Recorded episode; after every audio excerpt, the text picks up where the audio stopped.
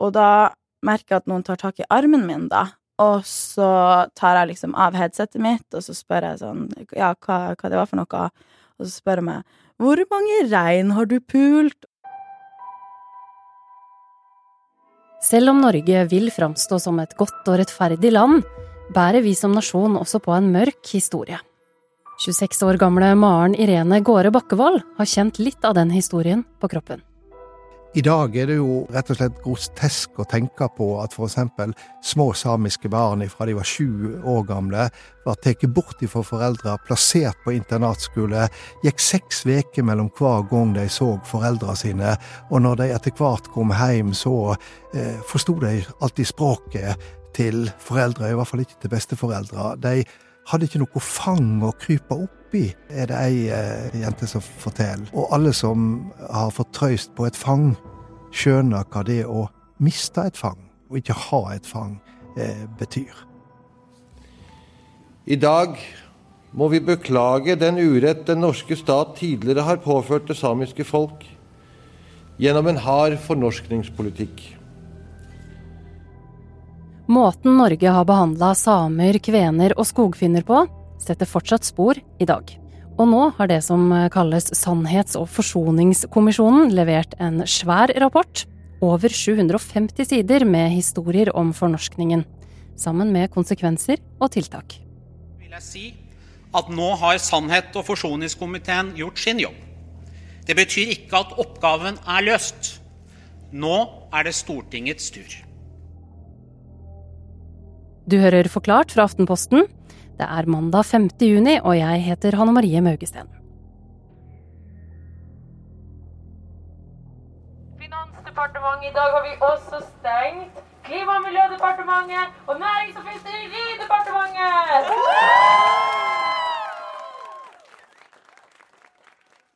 Det føltes ut som det var det aller, aller viktigste som skjedde i hele verden når de demonstrasjonene skjedde.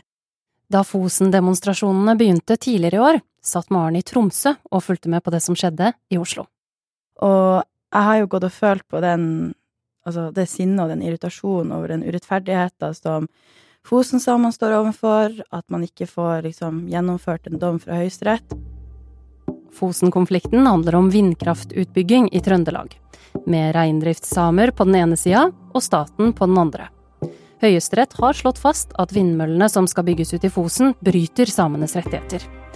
Og da demonstrantene lenka seg fast foran Olje- og energidepartementet i Oslo, så følte Maren at hun måtte være der. Jeg er 26 år gammel, kommer fra Balsfjord, men studerer nå i Tromsø.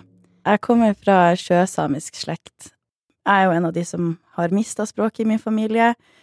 Kulturen har Altså, mye av kulturen har forsvunnet. Det, det er liksom de her store, dype sårene som fortsatt eksisterer, da, som jeg tror er veldig usynlig for de som ikke trenger å se dem, da. Så det var liksom en sånn en stor kulminasjon av all den liksom frustrasjon og sinne, da, for meg, og jeg tror kanskje det var ganske likt for en del andre òg, da, som var der.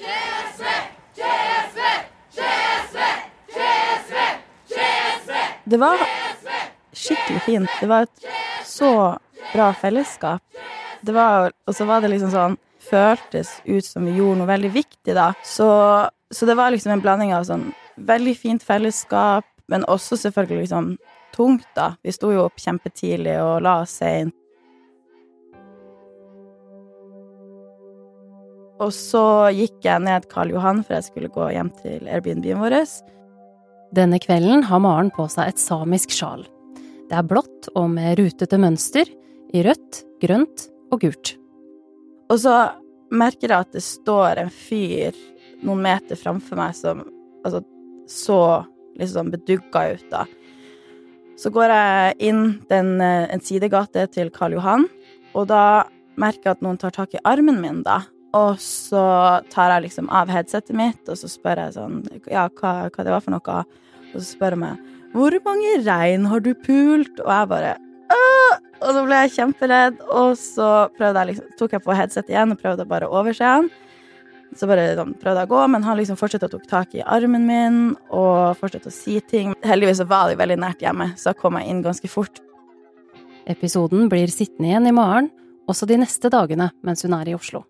Den kvelden vi hadde støttekonsert for Fosen-aksjonen, så hadde jo jeg hatt på meg eh, kofte og sjal og hele pakka. Og det var så mye folk ute, og det føltes så liksom sårbart og eh, Hva man skal si Jeg ble, jeg ble liksom ekte litt redd da for liksom hva Er det noen som er full nå og kommer til å si noe teit eller gjøre noe et eller annet, liksom. Så når vi kom til um, til første taxikø, så tok jeg en taxi hjem. Nå er 150 år med historier som dette og andre konsekvenser av det som kalles fornorskninga, samla på ett sted. Den er en knyttneve som eh, slår midt inn i det norske sjølbildet.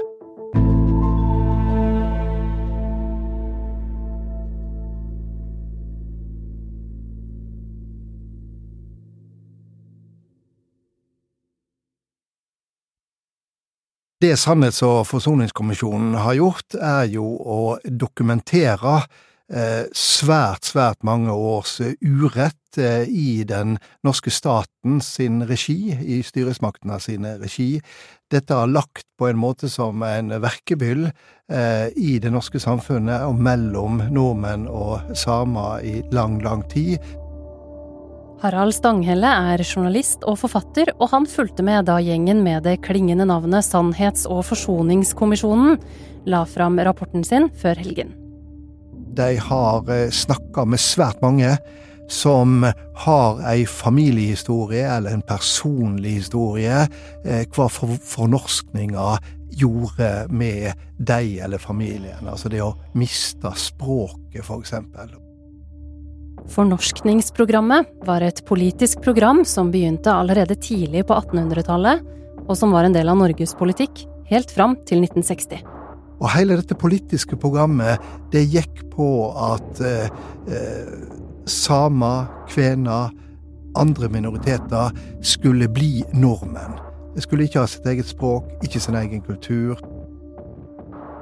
Og det er jo det som kanskje vil overraske mange, det er jo at dette er ikke noe som tilhører et annet århundre langt tilbake. Det er virkninger av dette eh, også eh, i den tida vi lever i. Ja, er det det som er mest overraskende? Ja, på en måte er det det, og hvor djupt dette har satt seg i den samiske folkesjela, men ikke minst hvor djupe arr det har sett i eh, familier og hos, oss enkeltmennesker eh, som opplevde fornorskninga, eller eh, som har opplevd resultatet og virkningene av den. Altså, alt dette er et direkte eller indirekte eh, resultat av eh, tiår på tiår med fornorskningspolitikk. Og konklusjonen er knallhard. Det Norge gjorde mot samer, kvener, norskfinner og skogfinner, er ikke en historie å være stolt av, sa Dagfinn Høybråten, som leda arbeidet. Fornorskingspolitikken representerer en urett som var forankret i stortingsvedtak og i bevilgninger fra Stortinget. Nasjonsbyggingen skjedde på bekostning av samers, kveners og skogfinners språk og kultur. Generasjoner har lidd tap, men hele Norge har også tapt.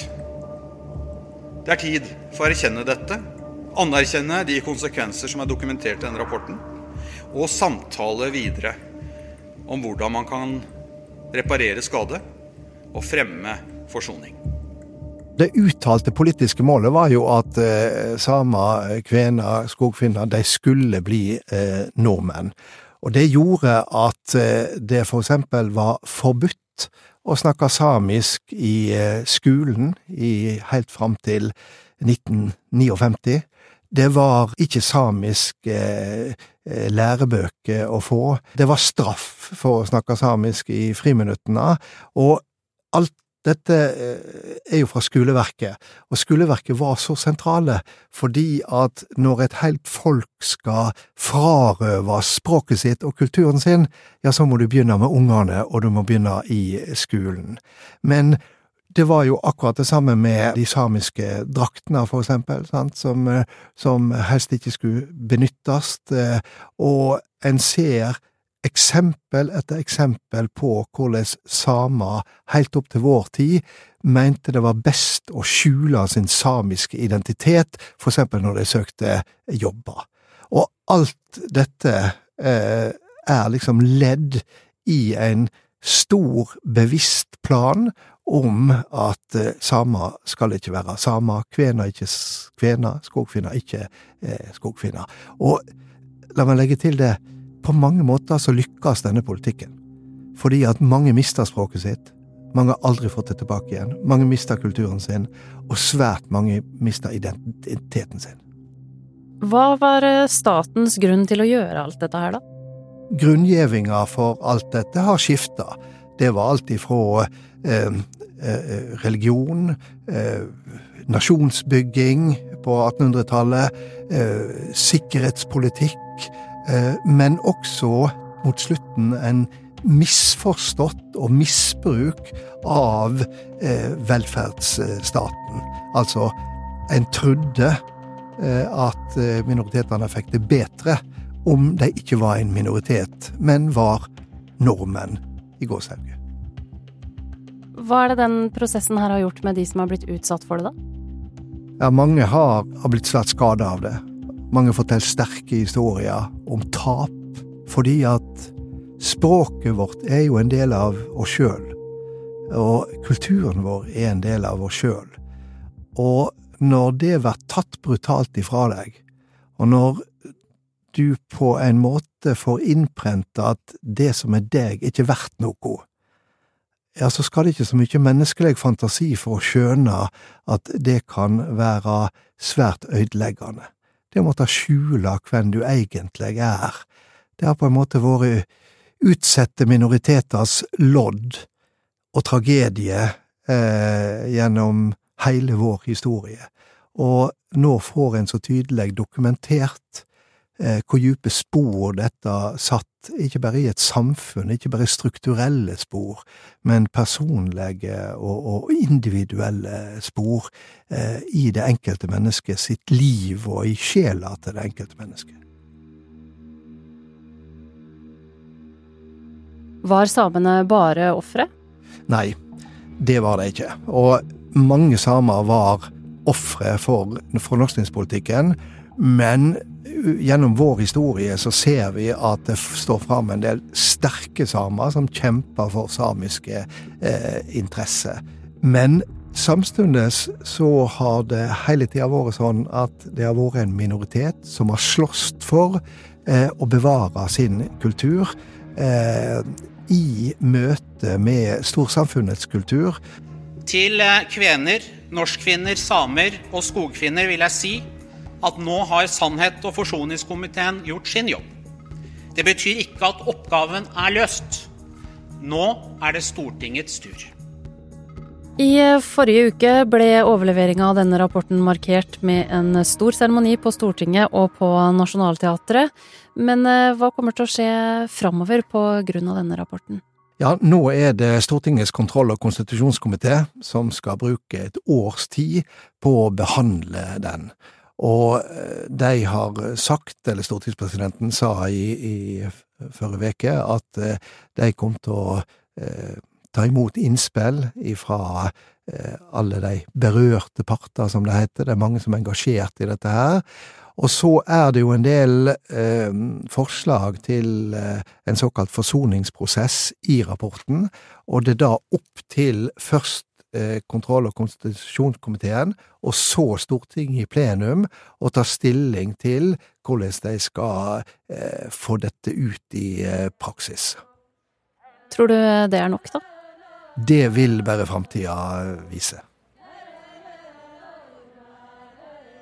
Det er noe med å liksom føle seg annerledes, da. Og jeg tror nok jeg føler meg litt mer annerledes når jeg er i Oslo enn når jeg er hjemme i Tromsø. For der er det vanligere å se folk i kofte. Og jeg tror folk Men det er jo, det er jo samehets er jo også et problem i Tromsø, absolutt. Så det er ikke det. Er ikke det og det, særlig ute på byen så opplever folk ugreie ting i kofte. Det har skjedd, skjedd mye i Tromsø òg. Men um, jeg bare For meg, da, så har jeg liksom flere av mine samiske venner og mitt samiske fellesskap i Tromsø, så det føles litt tryggere når jeg bruker kofte der enn i Oslo når jeg ofte er litt mer alene, og så er det mer folk.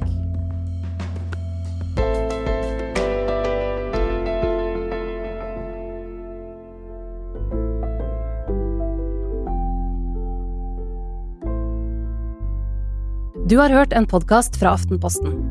Det var Maren Irene Gåre Bakkevold som fortalte sin historie, og Harald Stanghelle som forklarte deg hva Sannhets- og forsoningskommisjonen har funnet ut. Denne episoden er laga av produsent Olav Eggesvik og meg, programleder Hanne Marie Maugesten. Resten av Forklart er Anders Weberg, Jenny Føland, Philip A. Johannesborg og Synne Søhol. Du har hørt lyd fra NRK og fra våre egne opptak fra Fosen-aksjonen tidligere i år. Og hvis du likte denne episoden, tips gjerne om Forklart til en venn, eller følg oss på Spotify eller der du hører på podkast.